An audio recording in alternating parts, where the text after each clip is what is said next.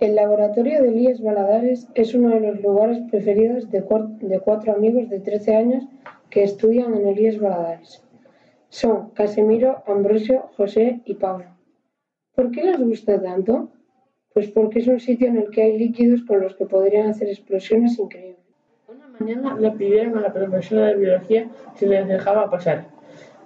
Allí el recreo para preparar un examen. La profesora estaba tan encantada con la buena disposición de sus alumnos que no dudó un momento en entregarles las llaves.